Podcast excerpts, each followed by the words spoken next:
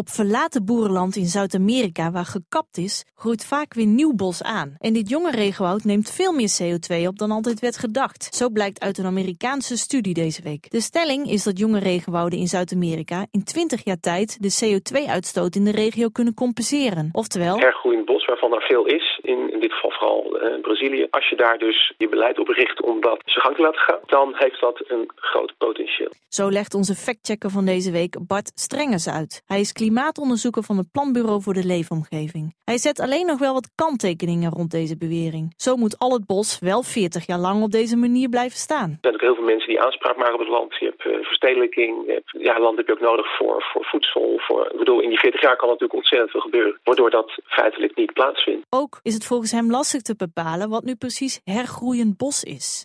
Basis van satellieten gedaan vaak. En dan wordt gekeken van ja, waar, waar ligt dat dan ongeveer? Maar dat kunnen ook best gebieden zijn waar toch ook landbouw plaatsvindt. Maar waar ook nog allerlei bomen staan. Hè. Soms is het niet goed vast te stellen wat nou precies dat hergroeiend bos is. En wat gewoon bos is wat degelijk in gebruik is ook voor, voor andere dingen. En daardoor kun je wel tot een heel optimistisch resultaat komen. Ik denk dat de oppervlakte die zij daaraan toekennen, 2,4 miljoen vierkante kilometer, best wel groot is. Ook hij vraagtekens bij de curves die gebruikt zijn voor de groei van het bos. Die zijn nou ja, vrij optimistisch, of tenminste hoog, laat ik het zo zeggen. Ik weet niet, niet zozeer of het nou optimistisch moet noemen. In ieder geval zijn ze hoog. Als ik kijk naar curves die wij gebruiken in onze modellen, dan zijn die beduidend lager. Oké, ze zitten aan de hoge kant, maar dat kan toch ook betekenen dat wij misschien te pessimistisch zijn? In die zin kan het best wel goed nieuws zijn van hey, blijkbaar is Jongbos in staat om meer CO2 op te nemen dan wij denken of dan, dan uh, in de modellen gebruikt wordt. Het triggert in ieder geval tot nader onderzoek bij de Nederlandse collega's.